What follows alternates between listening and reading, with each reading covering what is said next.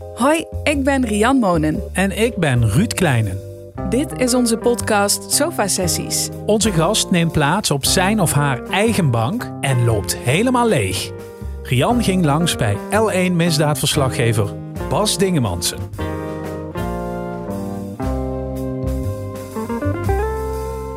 Op de bank in je volgens mij redelijk nieuwe huis. Jullie zijn nog een beetje aan het settelen. Ja, klopt ja. We zijn eh, in april, zijn we uit mijn hoofd, zijn we hier komen wonen. En eigenlijk hebben we meteen de hele, hele tent leeggetrokken. Echt eh, alles eh, opnieuw gedaan.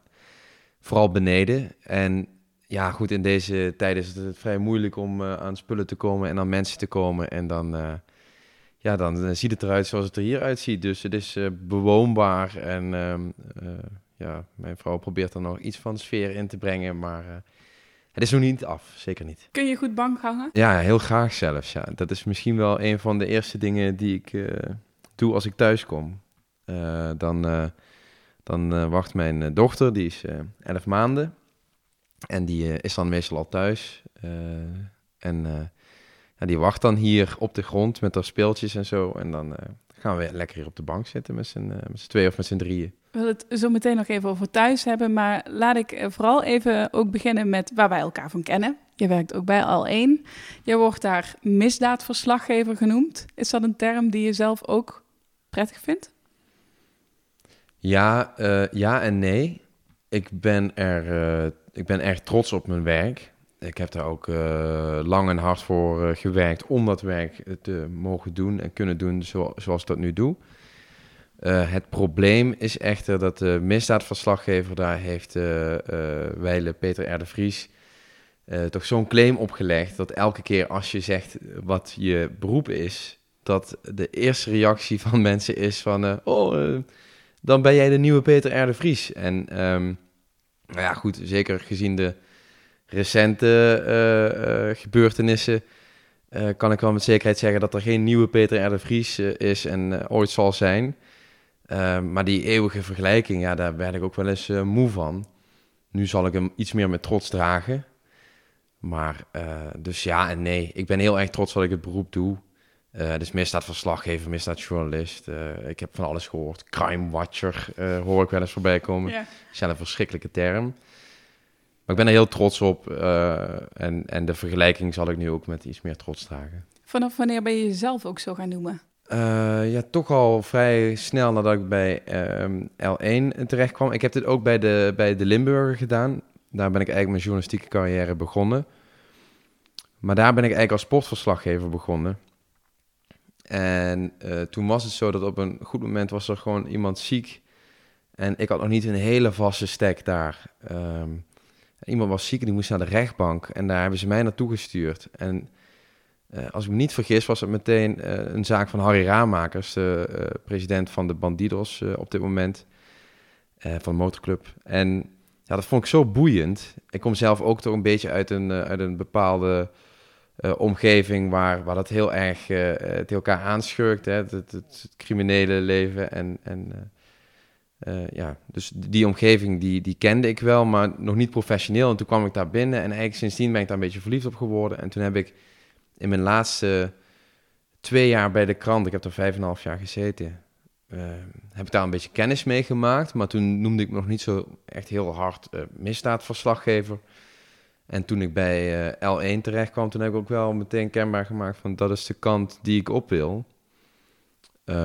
dus ja, ik, laat ik zeggen dat ik dat nu eh, ongeveer vier jaar uh, die, die termen voorzichtig ben gaan gebruiken. Ja. Maar hoe ging dat dan? Toen jij voor het eerst richting die zaak werd gestuurd, dacht je toen meteen, oh, maar dit heb ik gezocht. Dit is wat ik eigenlijk wil doen?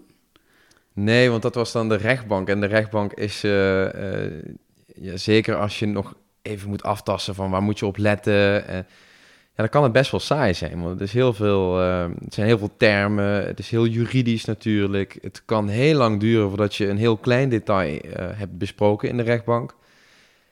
Maar het was gewoon die hele, hele sfeer. Hè? Daar zit dan iemand, uh, je weet dat dat iemand is van een bepaald gewicht in het, in het milieu. daar wordt in ieder geval tegenop gekeken op dat moment. Ehm, ja, er is andere pers aanwezig, dus je weet dat er wat gewicht ook aan die, aan die zaak hangt. Ja, ik weet niet, het was die hele, hele sfeer en het verhaal daarachter en het intrigeerde me en daar wilde ik meer van weten. En ja, voordat ik het wist, uh, ja, zat ik eigenlijk vaker in die rechtbank, ook bij hele kleine zaken. Maar was ik gewoon zo benieuwd naar het verhaal daarachter. Gewoon kleine drugszaken of zo. Maar ja, dan kreeg je toch weer een beeld van hoe dat milieu in, in, in Limburg, want daar heb ik me altijd in verdiept, hoe zich dat ontwikkelde. En zo is die liefde een beetje ontstaan. Het is wel zeker iets dat je ook bij de krant had kunnen blijven doen. Ja, maar in 2015, uh, december 2015, toen moest ik weg uh, bij de krant. Ik had, uh, dat heb ik altijd gehad en ik ben bang dat ik altijd zal houden. Kijk, ik ben een ontzettende winnaar en als ik iets wil, dan moet het eigenlijk gebeuren. En daar zal ik uh, toch wel vrijwel alles voor doen.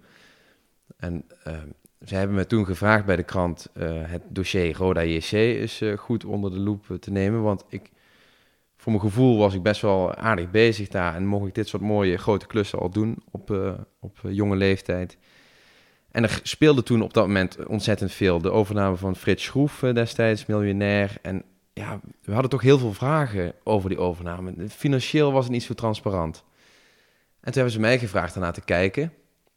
Was er een, uh, een gemeenteraadsvergadering uh, van de gemeente Kerkrade en dat ging specifiek hierover. Dus ik denk, nou, dan ga ik daar naartoe, dan kan ik daar informatie ophalen, was ook openbaar. Alleen toen zeiden ze uh, halverwege die vergadering van, nou, we gaan nu een besloten deel doen, dus iedereen die niet van Roda of de gemeente is, moet de zaal tijdelijk verlaten en wordt straks weer teruggeroepen.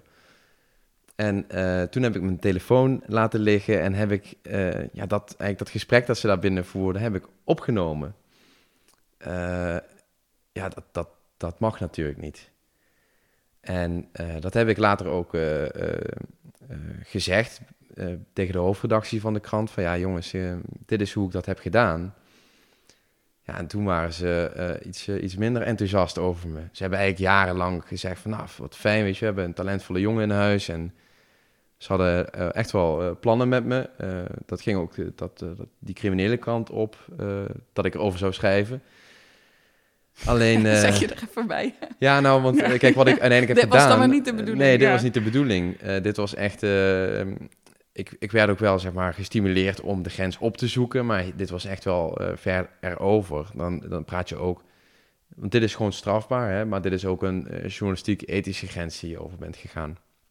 En...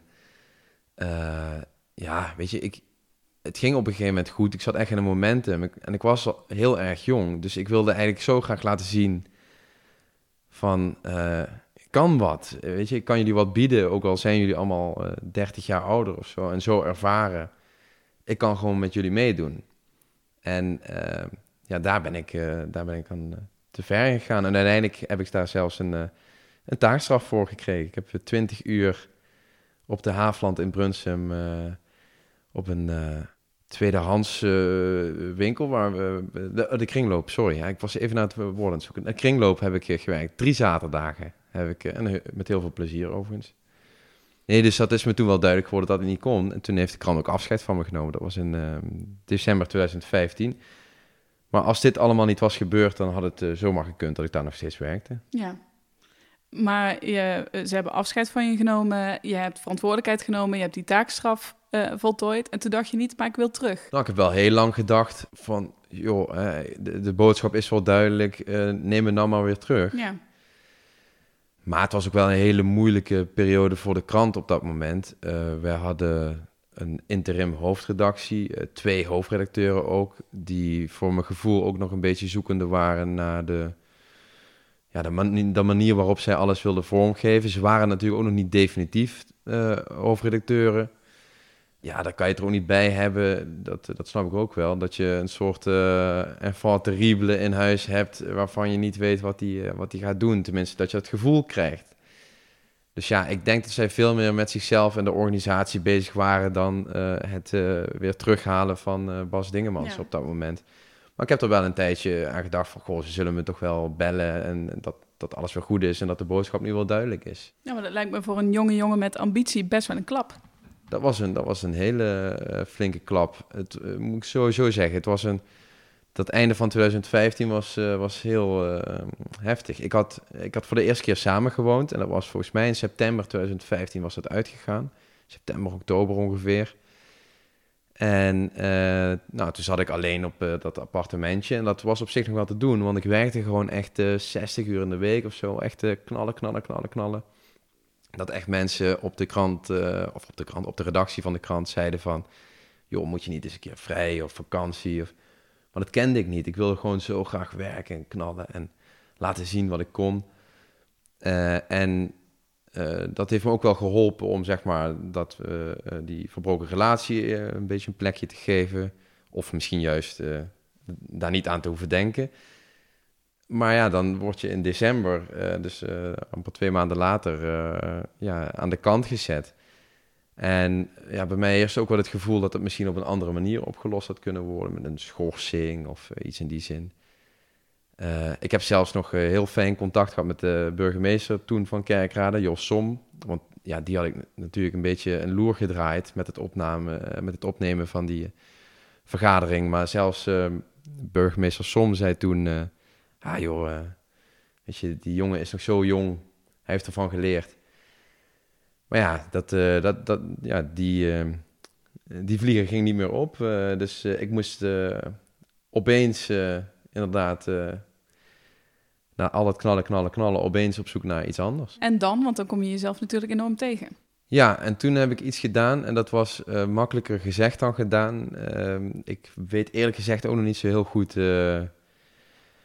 of ik mezelf toen gewoon maar wat, wat heb wijsgemaakt. Maar toen, dat was net voor de kerst ook, dat ik werd weggestuurd. En uh, toen, mijn moeder was redelijk overstuur. En ik zat bij mijn moeder thuis en toen zei ik, nou weet je wat, ik ga nu... Uh, ik dacht ik nog drie dagen tot de feestdagen had of zo. En uh, ik ga nu drie dagen ontzettend balen en ja, gewoon even mezelf heel, heel zielig vinden. dan ga ik gewoon kerst met jullie vieren, dus met mijn moeder en de familie. En ehm, alsof er niks aan de hand is. Ik wil er ook niks over horen. Ik wil niet de hele kerst gaan uh, bespreken wat de vervolgstap zou zijn. We gaan gewoon kerst vieren zoals kerst uh, gevierd wordt. En daarna zien we wel verder. En toen zei mijn moeder, ja, kan je wel zeggen Bas, maar weet je, je zal toch weer een baan moeten vinden. Hè? Ik was een jonge, jonge gast met een auto en een appartement, dat moest allemaal betaald worden. Uh, maar ik heb het toch zo gedaan, zoals ik in mijn hoofd had. Dus ik ben eigenlijk pas in januari, eh, na de feestdagen, eh, ben ik verder gaan kijken. Toen ben ik in Eindhoven uitgekomen. Bij een, uh, bij een bureau, bij Lewis. Dat een soort communicatiebureau. Maar wat daar interessant aan was, is dat zij echt... zij adviseerden bedrijven met hoe kwamen ze in de media... en hoe zou dat anders kunnen, et cetera. Dus ja, dan hoefde ik niet van die... van die akelige persberichten te schrijven en zo. Ik vind dat altijd een beetje... Ik krijg vaak van die kleffe persberichten. Dan denk ik, ja, dat, uh, dat zien jullie toch ook wel, dat dat uh, niemand prikkelt. Uh, maar toen kreeg ik de kans om dat eens anders te doen en om bedrijven echt eens goed te, te adviseren. Dus dat was op zich was dat een hele leuke uitdaging. Niet voor lang, want niet lang daarna begon je bij L1. Ben je dat op gaan zoeken? Nee, ik zat eigenlijk best wel. Ik, ik vond het eigenlijk wel uh, leuk daar in, uh, in Eindhoven. Ik was zelfs op, op een goed moment, was ik zover, had ik mijn, mijn appartement in Sittard opgezegd. En ben ik in Eindhoven gaan zoeken. En toen sliep ik regelmatig bij mijn neef, die woont daar. En als ik hier was, dan bij familie.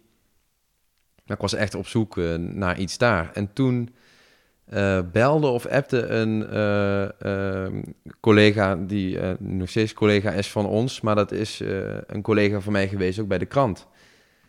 En nou, zeggen ze dat hij belde en hij zei van, joh, ik zit nu bij L1 op de redactie van 1 Limburg.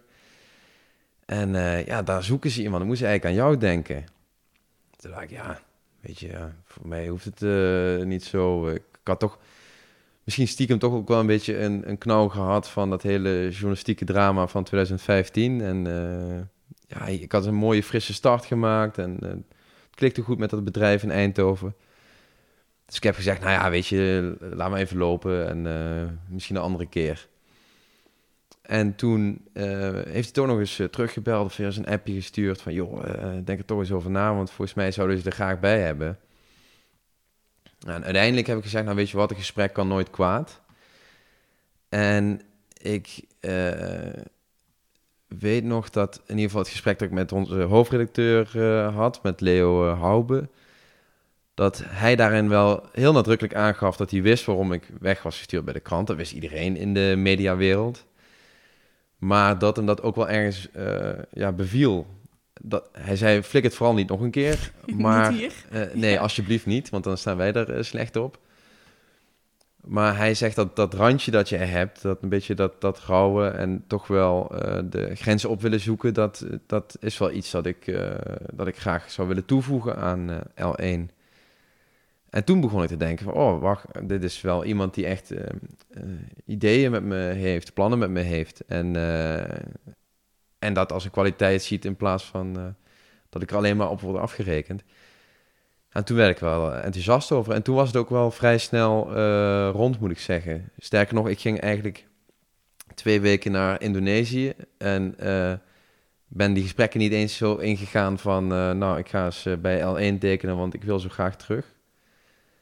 Dus ik ben ja, vlak voor Indonesië ben ik die gesprekken aangegaan... met het idee dat het waarschijnlijk toch niks ging worden.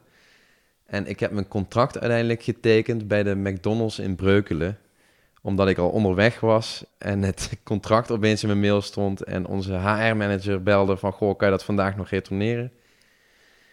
En, en, toen ben ik gestopt bij de McDonald's, heb ik gevraagd van, joh, kun je dit, kun je dit uitprinten hier en hebben jullie toevallig een pen?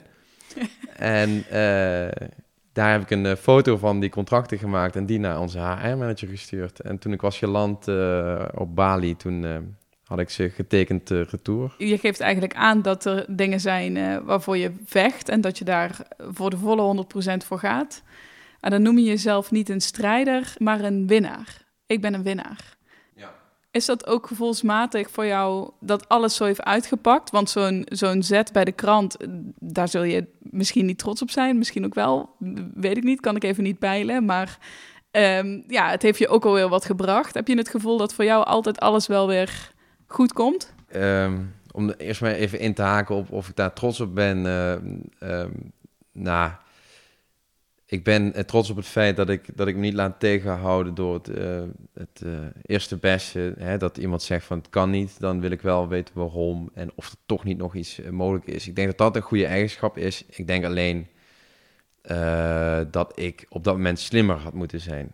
En had moeten beseffen dat dat gewoon niet een, een optie was, hè, eh, dat wat ik heb gedaan.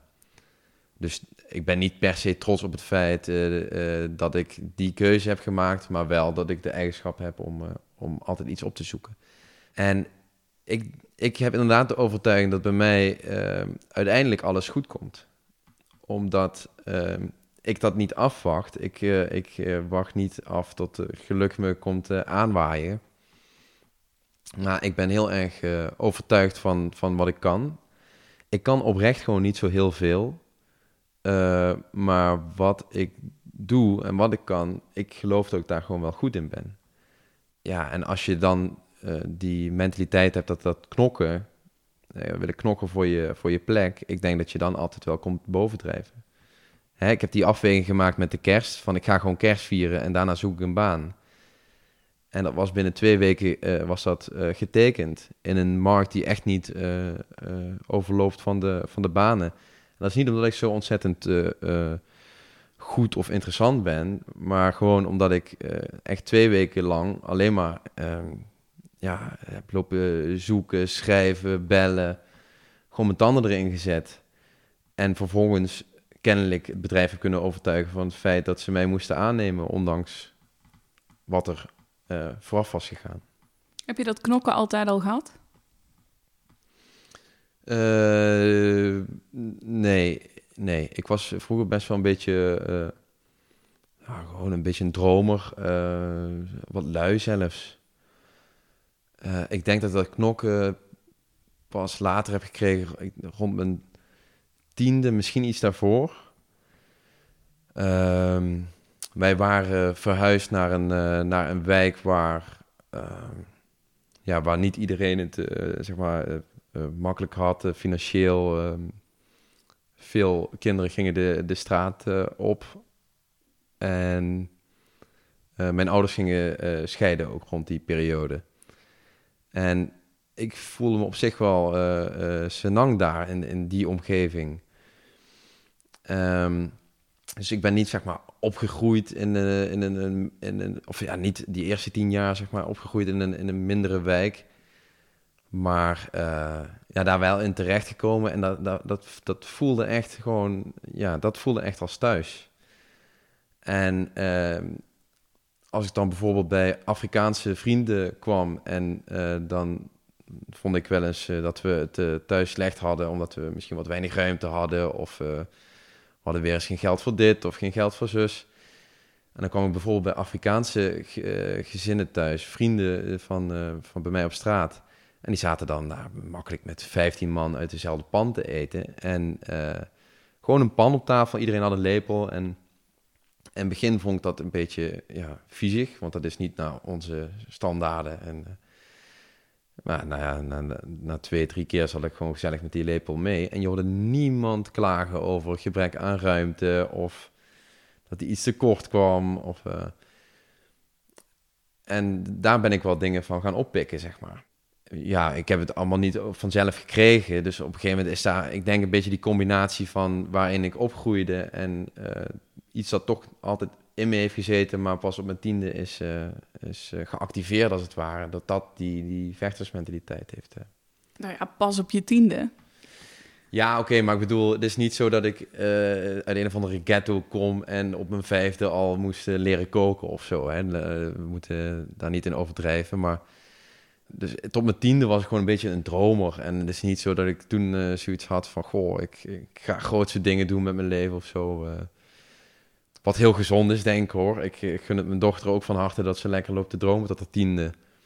Maar ja, goed. Uh, op, op mijn tiende is dat, dat vuurtje aangewakkerd. En toen wist ik ook wel redelijk snel wat ik wilde gaan doen. Hoor. Dat ik de journalistiek in wilde. En uh, ik werd ook de professor genoemd op straat. Want ik was de enige die naar de HAVO ging dan.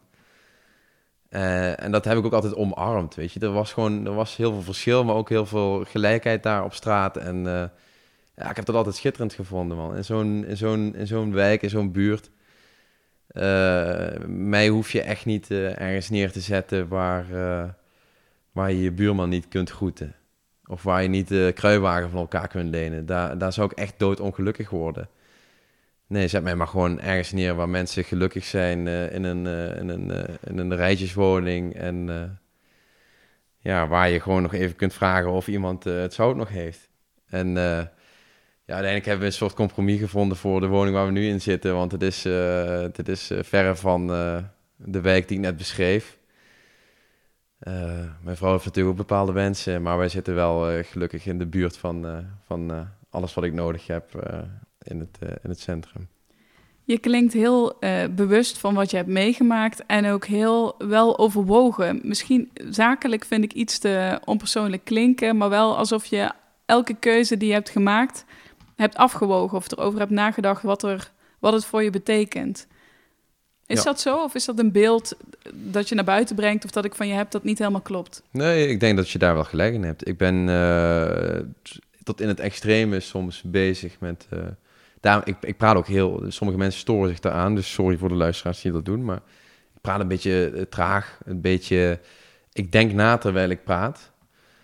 Uh, dus zelfs dan, ik, ik overweeg bijna elke stap in mijn carrière en in mijn leven eigenlijk altijd bezig met uh, uh, ja, die paar stappen vooruit. Ik hou er ook niet van om dingen echt aan het toeval over te laten. Wat ik wel fijn vind is ehm, spontaniteit op, zijn tijd, maar ik hou niet van een surprise party bijvoorbeeld. Dus om een, om een goed voorbeeld te geven, want dit blijft een beetje vaag Afgelopen zaterdag uh, heb ik met uh, vrienden afgesproken op het terras. Nou, dat is natuurlijk maar tot 12 uur open. Um, en een van die jongens zegt: Ja, weet je, ik heb het, ik heb het zo goed nog naar mijn zin. Het is zo gezellig. Zullen we nog even naar mij gaan? En dan zitten we gewoon tot drie, vier. Ik, ik weet, niet, ik, ik, weet niet meer hoe laat het was. Drie, vier, misschien kan vijf uur uh, s'nachts zijn geweest. Zitten gewoon echt heerlijk te vertellen. Gewoon alsof we weer 16 waren en uh, datzelfde deden. En dat vond, dat vond, ik heerlijk. En dat was natuurlijk totaal ongepland. En met een dochter die uh, doorgaans rond 6, 7 uur s ochtends wakker wordt. Ook niet echt uh, super lekker voor de volgende ochtend. Maar dat, dat vind ik wel lekker, dat, dat spontane. Maar ik zou voor de grotere dingen in het leven nooit zo zeer de regie uit handen geven. Daar ben ik altijd wel heel bewust mee bezig, ja. Wat zit hem dan in een surprise party dat dat niet fijn maakt? Uh, ik word er heel ongemakkelijk van. Maar dat is dan misschien meer omdat het dan om jou ja. zou draaien. Dus dat, heeft, dat is misschien minder het spontane moment, maar meer dat alle aandacht dan op ja, jou nou, gevestigd is. Ja, daar heb je wel gelijk in, ja. Ik, ik ben ook niet zo... Um, ik ben heel erg met mijn carrière uh, bezig. Um, maar omdat ik het werk echt super mooi vind. En daar wil ik alles uithalen. Ik wil um, gewoon die, die mooie verhalen uh, en dat, dat, dat, mooie nieuws, uh, dat, dat wil ik onder de aandacht brengen. Maar ik had bijvoorbeeld niet per se op tv gehoeven. Ik heb nooit de ambitie gehad, en, en nog steeds niet eigenlijk, om op tv te zijn. Radio vind ik al wat anders, dit vind ik ook wat anders. Hè, dan, uh, dan ben ik niet zo, zo met mijn kop te zien. hier kiezen mensen ook wat meer voor. Maar ik heb nooit zoiets gehad van, nou, ik wil bekend worden of zo. En ik, het hoeft ook niet zo om mij te gaan. Dus uh, dat ik dit doe, is eigenlijk omdat ik uh, jou graag heb en ik, uh, ik je werk gewoon goed vind. Maar het is niet, ik had dit nooit zelf opgezocht bijvoorbeeld. En daar heb je gelijk in zo'n surprise party. Dan staat iedereen naar mij te kijken en iedereen gaat dingen aan je vragen en zo. Ik heb liever dat ik op een feestje kom en het gaat om iemand anders. En dat ik dan wat meer speelruimte heb, ook om een beetje af te zonderen of juist heel erg aanwezig te zijn. Ja, dat heb je niet als het om jou gaat. Dat vond ik ook wel een beetje ongemakkelijk. Uh, ja, is misschien niet het goede woord, maar dat was de andere kant van de medaille van uh, de prijs in, in mei. Hè. Toen won ik een NL-award uh, en dat is super. Dat vind ik echt een enorme eer. Maar sommige mensen vonden mij niet uh, enthousiast genoeg of zo, kennelijk. Ja, ik, ik ben een beetje droogjes, uh, zeg ik eerlijk. Heel nuchter. Maar dat is ook omdat heel veel mensen dan uh, jou aandacht geven. En dat, dat, ja, dat klinkt gek voor iemand die vaak op tv is, maar daar, ik ben daar gewoon niet zo van. Maar doet dat dan iets met je op het moment dat mensen zeggen... Ah, kom op, je had even zo of zo of zo? Ga je dan twijfelen? Dan denk soms denk ik wel na of ik dan niet um, een, um, een reactie moet, moet geven, of, of ik dat niet had moeten doen. Ja, die, die wat, uh, ja, om wat mensen te pleasen bijna. Weet je, dat ik maar de reactie uh, fake, dat ik maar wat gespeeld blijer ben dan, ja, zodat ik die vragen niet krijg. Dat overweeg ik dan wel eens voor mezelf. Maar uiteindelijk doe ik dat nooit. Uh, ja, ik, ik, denk, ja, wat ben je nou voor clown als je daar overdreven blij gaat lopen doen en zo. Dus ja, weet je, als mensen daar moeite mee hebben, dan uh, ja, zwaar. Ik, ik lig daar niet wakker om. Maar ik snap het wel. Ik bedoel, kijk, ik win een prijs. Ik denk dat veel mensen uh, in het vak ja, dat ook wel graag zouden willen ik ben, daar, ik ben daar gewoon oprecht heel erg trots op. En ik heb er ook heel hard voor gewerkt. Tegelijkertijd ben ik ook altijd weer bezig met mijn volgende stap. Dat is één. En ik ben gewoon niet zo uitbundig en zo. Ik ben daar van binnen ben ik heel erg trots op. En ik vind het bijvoorbeeld een heel fijn idee dat uh, mijn dochter, voor, als ze dat wat waard vindt, uh, dat is nog maar de vraag, hè, maar dat zij straks kan zeggen van, nou, mijn papa heeft een prijs gewonnen voor zijn werk. Hè. Dat vind ik een fijne gedachte. Maar niet zo van, uh, joh, uh, spuit de champagne open en kijk mij eens blij zijn en trots zijn. En kom maar op met al die aandacht en zo. Nee, dat... Uh... Als je het hebt over, ik ben veel bezig met volgende stappen, wat zou ik allemaal nog kunnen? Kan het je dan allemaal niet snel genoeg gaan? Of kun je ook waarderen waar je nu staat? Ja, dat laatste. Ik ben heel erg bezig met die stappen, maar ben me ook heel erg bewust van de, van de ja, de, het, pad dat je daarvoor moet bewandelen. Dus ik probeer gewoon de, de, die uh, paaltjes onderweg die ik wel kan slaan, eh, waar ik de regie over heb, dat ik dat in ieder geval, die voorwaarden allemaal creëer. En uh, ja, en hoe lang dat dan duurt, of het nou drie jaar is, of één jaar, of vijf jaar, weet je, dat is dan ook een beetje afhankelijk van wat er om je heen gebeurt. Kijk, nu bijvoorbeeld bij L1 zitten we eh, in de nasleep van een hele directiecrisis, eh, om het zo maar even te noemen. Dat heeft natuurlijk eh, zijn weerslag op een redactie. In die zin dat, nou, stel je voor dat ik allemaal plannen had waar ik een extra FTE voor nodig had. Hè. Dus dan hadden we iemand extra moeten aannemen die mij met de hele misdaadzaken ging ondersteunen. Dat is wel iets wat ik zou willen, bijvoorbeeld. En dat, eh, die wens kent eh, onze leiding ook. Alleen als je midden in zo'n bestuurscrisis zit, om het, nogmaals om het zo maar te noemen, eh, ja, dan, dan gaat het even niet meer over een FTE eh, extra op de misdaadzaken. Dan gaat het erom dat je je bedrijf draaiende houdt. En daar heb ik ook begrip voor. En dan probeer ik meer te helpen bij het stabiliseren van alles binnen het bedrijf. eh, dan dat ik mijn eigen plannen er doorheen duw. Dat vind ik gewoon niet collegiaal. Nou ja, dat heb je niet zelf in de hand, zoiets. Eh, en dat zijn allemaal van die dingetjes, ja. Dus ik wil heel graag vooruit, maar ik heb daar echt wel mijn geduld voor. En ik heb wel ook me uit het verleden geleerd dat ik dat gewoon niet in de hand heb. Je zegt stel, maar dat is eigenlijk iets dat je al lang hebt besloten, dat je daar naartoe wil. Heb je meer van dat soort concrete doelen of zijn het meer het, het idee van, van groei of van vooruitgang? Nee, ja, ik heb wel hele concrete, ehm, concrete dingen die ik bijvoorbeeld bij L1 wil doen. Ehm, denk aan een eigen programma.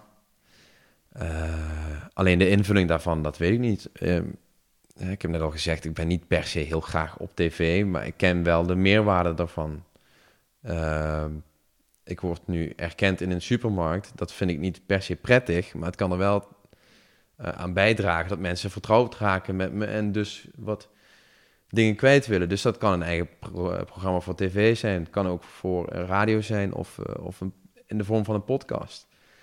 Ehm, ik zou mijn winkel, want zo noem ik altijd, zou ik willen uitbouwen. Dus ik wil daar iemand bij.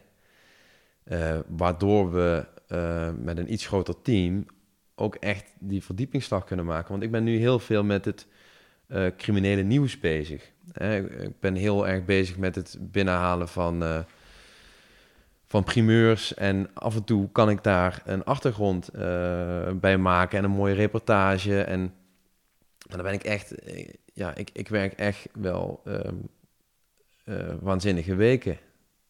En ik heb er een gezin naast. En eh, dat gezin krijgt ook alle aandacht eh, eh, die het verdient. Denk ik in ieder geval, eh, hoop ik. Maar dat betekent wel dat je jouw eigen tijd is gewoon echt nul. Dus ik zou voor de kwaliteit van het werk en mijn eigen kwaliteit van leven, zou ik het, fijn vinden om die winkel uit te kunnen breiden met iemand extra. Je hebt het ook af en toe inderdaad over thuis. Wanneer heb je je vrouw eigenlijk ontmoet?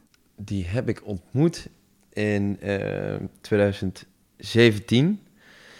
En eh, dat is, ja, mensen geloven het eigenlijk niet eh, als ik het vertel. Ze denken, ja, die hebben gewoon elkaar op Tinder ontmoet, want dat doet kennelijk iedereen tegenwoordig. Ehm, maar dat is echt, echt niet zo. Ehm, zij, is de, eh, zij is in mijn oude appartement gaan wonen. Dus toen ik naar Eindhoven vertrok, eh, heeft zij het appartement overgenomen. Maar dat wist ik niet, want ik heb gewoon mijn appartement leeggeruimd, de sleutels ingeleverd bij de huisbaas. Dus ik heb haar nooit getroffen. Eh, ik kende haar ook niet van, van vroeger. En eh, op een goed moment merkte ik dat ik bepaalde brieven niet kreeg. Dus toen dacht ik, ah, ik heb me niet overal eh, ja, de, de verhuis... eh, eh, eh, notificatie zeg maar doorgegeven. En dat waren nogal volgens mij de belasting of zo. Dus dat waren nogal wat dingen. Toen ben ik gewoon naar, de, naar het appartement toe gegaan. Want ja, ik wist niet wie er woonde. En eh, ik heb op het kaartje gekeken. En daar stond dus de, de naam van mijn vrouw op. En ehm, toen heb ik aangebeld. Op de achtergrond even voor de mensen die de geluiden nu meekrijgen. Oh ja, dat is mijn hond. Ja, ja. een Franse bulldog, die, die, die krijgen doorgaans iets minder adem. Dus eh, ja, die ligt nu te, die ligt te snurken. Jongen, niet zo snurken. We zijn aan het opnemen hier. Even voor de zekerheid dat mensen weten dat jij het niet bent. Ja, nee, ik ben niet zo zwaar gelukkig. Je had eh, het briefje niet gekregen. Ja, ik had brieven niet gekregen, dus ik sta daar aan de deur. Ik bel aan, maar eh, ja, deed niemand open. Achteraf bleek dat omdat zij in diensten werkte. Dus ik heb gewoon haar naam, eh, de, haar achternaam stond erop en het, eh, het initiaal van haar eh, eh, voorletter. Voornaam, sorry. Ehm, dus heb ik dat gewoon op Facebook opgezocht. Want ja, die middelen hebben we gelukkig tegenwoordig. En daar kwam eigenlijk maar één naam uit. Ik denk, ja, dat, dat moet er dan zijn. Toen heb ik haar een berichtje gestuurd van... joh, eh, ik ben de oude bewoner van je appartement. Heb je toevallig eh, brieven van mij gekregen? En zo, ja, heb je ze ook bewaard? Want ze zijn vrij eh, belangrijk. En toen kreeg ik een berichtje terug van... ja, ik heb ze op een stapeltje liggen naast de deur. Dus, nou ja, goed. ik zal je wat laten weten als ik tijd heb. Alleen, ik werkte ook heel veel en zij werkte in diensten. Dus we waren eigenlijk twee weken eh, langs elkaar door aan het, eh, aan het eh, appen van... hey, ik heb nu tijd, ik heb nu tijd. En in de tussentijd zijn we dan ook maar gewoon gaan praten. Want ja, als je toch op elkaar zit te wachten... En ja, dat was eigenlijk gewoon een heel leuk gesprek. Dus toen ik daadwerkelijk daar voor de brieven kwam, toen, ja, toen waren we al zo in gesprek dat ik zei van, nou, zullen we niet gewoon even een hapje gaan eten nu ik er toch ben? En ja, dat vond zij wel een leuk spontaan idee. En ja, sindsdien eh, zijn we niet meer uit elkaar geweest. Maar eigenlijk was het dus via Tinder. Eh, ja. Nee, nee, echt niet. Dat was gewoon niet voor mij. Ik heb na twee weken heb ik daar weer eh, lekker op uitgelogd. En toen was ik volledig afhankelijk van, van belastingbrieven die op een verkeerde plek zijn, zijn afgeleverd. 2017, eh, vier jaar geleden, ondertussen ook ouders.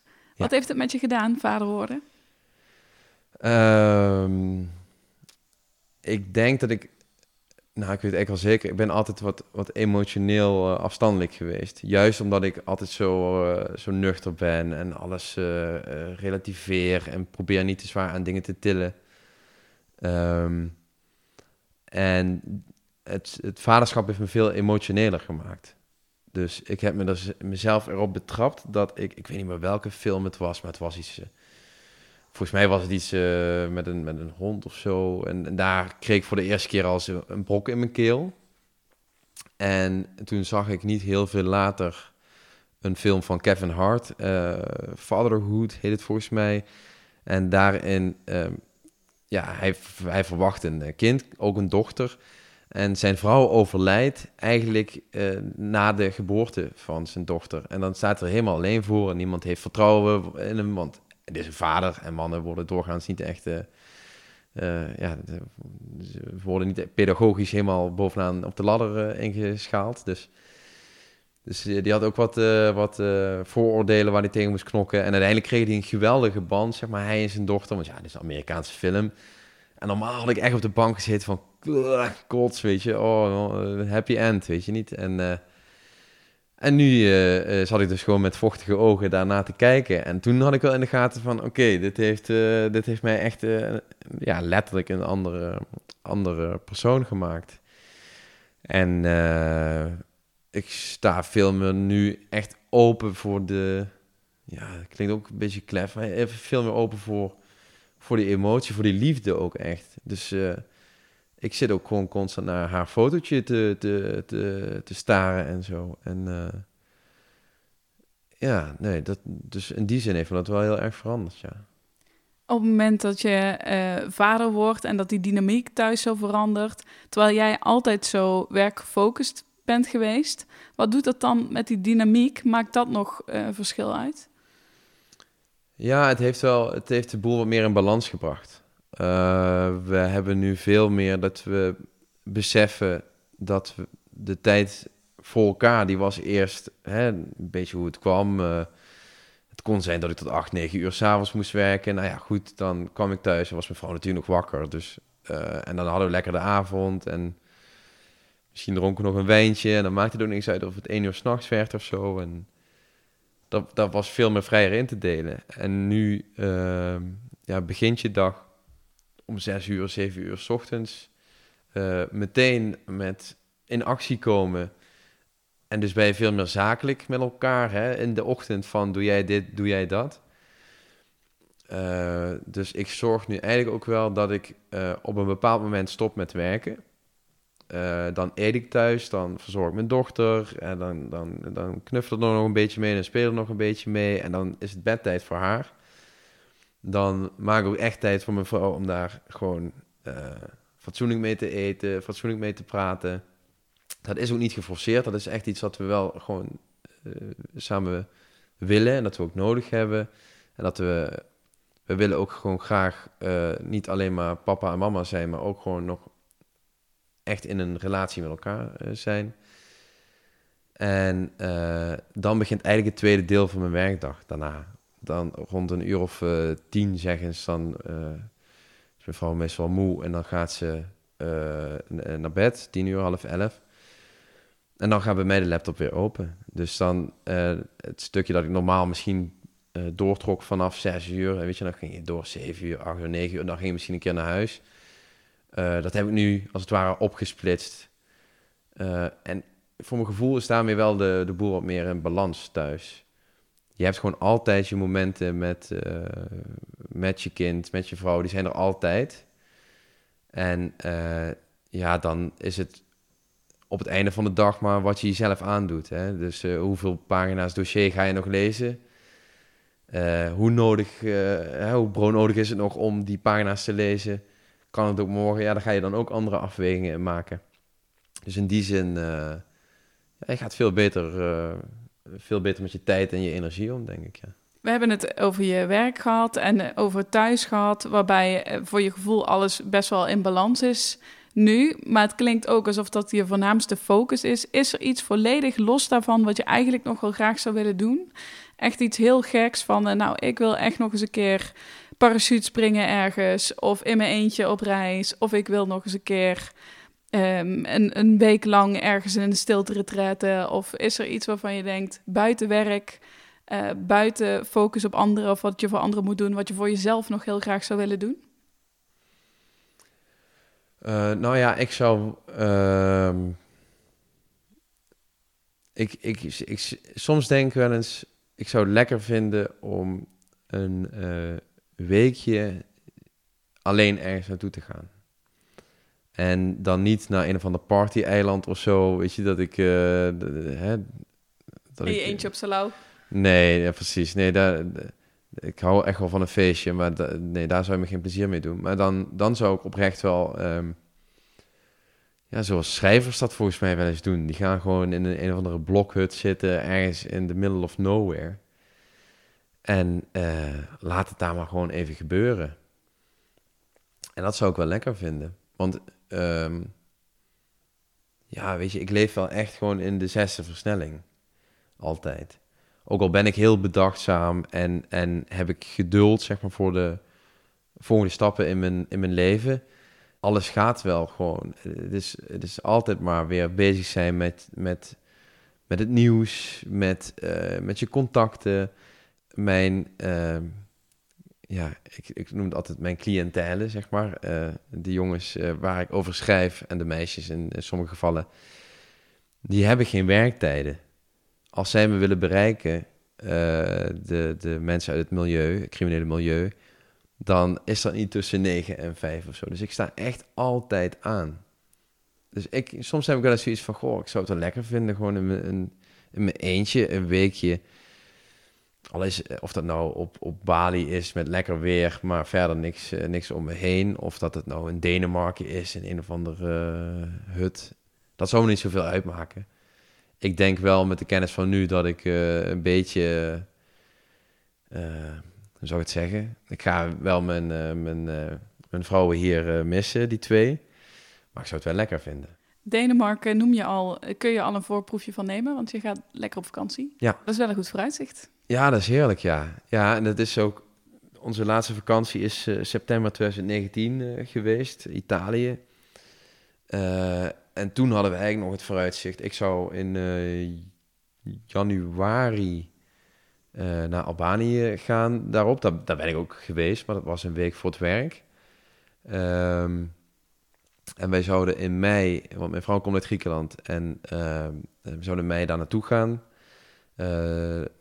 dat is niet doorgegaan. In mei 2020 hebben we het over, hè, want toen was onze dochter nog niet uh, geboren. En toen dachten we nog eventjes weg.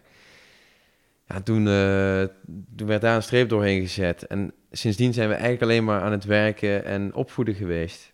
En uh, ja, hoe graag ik dat alle twee ook doe, eh, we merken nu wel dat de batterij redelijk leeg is. Dus ehm, ja, wij vertrekken lekker eh, naar, naar Denemarken en nog een paar dagen naar Zweden. Naar vrienden van ons. En ja, daar gaan we ons gewoon lekker opladen. Ja. Even heel eerlijk, gaat daar geen enkel dossier mee? Ehm, ja, goed. Ja, ik, ik, jij zegt heel eerlijk en ik, ik waardeer je, dus ik zal ook eerlijk antwoord geven, dat kan ik niet uitsluiten. ik heb toevallig uh, uh, vandaag het, uh, het, het, dossier dat ik had. Ik werk eigenlijk altijd aan één dossier rondom de, de lopende zaken. Dus elke dag produceer ik nieuws. maar ik heb altijd één grote klapper van een, van een grotere zaak waar ik me dan helemaal in verdiep en waar ik meerdere verhalen uithaal. Of een bepaalde trend binnen het milieu. Of maar daar zit dus dan veel meer werk in. Nou, dat heb ik vandaag afgerond. Dus heb ik alle aantekeningen van in, in mijn systeem gezet. Ehm, dat heb ik ook bewust voor de vakantie afgerond, zodat ik dat dossier niet meeneem. Alleen heb ik gisteren toevallig een mailtje gekregen van iemand en die zei van ja, misschien krijg jij deze week nog bepaalde stukken. En daar ben ik al maanden op aan het wachten. Dan weet ik niet of ik mezelf kan beheersen om ergens in die, in die eh, periode dat ik in het buitenland ben, om, om toch even te spieken. Dit is eigenlijk het, het, mooie en het lastige van mijn werk. Ik doe het zo ontzettend graag dat het, is eigenlijk geen werk meer. het enige dat het werk maakt, is dat mensen ook nog iets van je willen. Dus ik word de hele dag door natuurlijk gebeld van... Goh, kan je nog iets voor de televisie doen? En kan je nog iets voor de radio doen? En wanneer komt er een online bericht? En uh, het mooiste van mijn werk is eigenlijk de verhalen aan zich. En ik moet er dan ook nog een verhaal van maken. Dus daar komt het kleine beetje werk dan uh, nog bij kijken. Maar kijk, als mijn vrouw dadelijk daar in Denemarken een boek zit te lezen dan voor mij voelde het bijna dat dossier lezen gewoon ook als een boek. Ik verslind dat, ik ga er helemaal in op. Dus ik zou het eigenlijk niet moeten doen. Maar als ik dat niet doe, dan lees ik dus misdaadboeken. En als ik misdaadboeken lees, dan kan ik je vertellen, Rian, tijdens onze vakantie in Italië, die duurde drie weken. ik kwam terug met een telefoon vol notities van allemaal ideeën die ik had opgedaan uit die boeken. Nou, ik wou zeggen, je gaat je ergeren, maar je haalt er juist heel veel uit. Ik, ja, ontzettend veel, ja. volgens mij stond er in een van die boeken echt een passage van een, een gevangenisuitbraak. En mensen waren ontsnapt. Nou, dat gebeurt gelukkig in Nederland gebeurt er niet zoveel. Um, maar toen dacht ik, ja, maar hoe zit dat nou? Hoe zit dat nou? Weet je, nou, ik werk voor de, de Limburgse omroep, dus dat, dat moet ik dan naar Limburg trekken. We hebben drie gevangenissen in Limburg. Hoe vaak ontsnapt daar nou iemand? En uh, hoe zit dat dan? En zijn er ook mensen die gewoon niet terugkomen van verlof? En, en daar ben ik me in gaan verdiepen en heb ik alle cijfers opgehaald. En toen bleek dat er, uh, en dat is nooit gecommuniceerd, maar toen bleek dat er vier mensen voortvluchtig waren die gewoon een zelfstraf moesten uitzitten.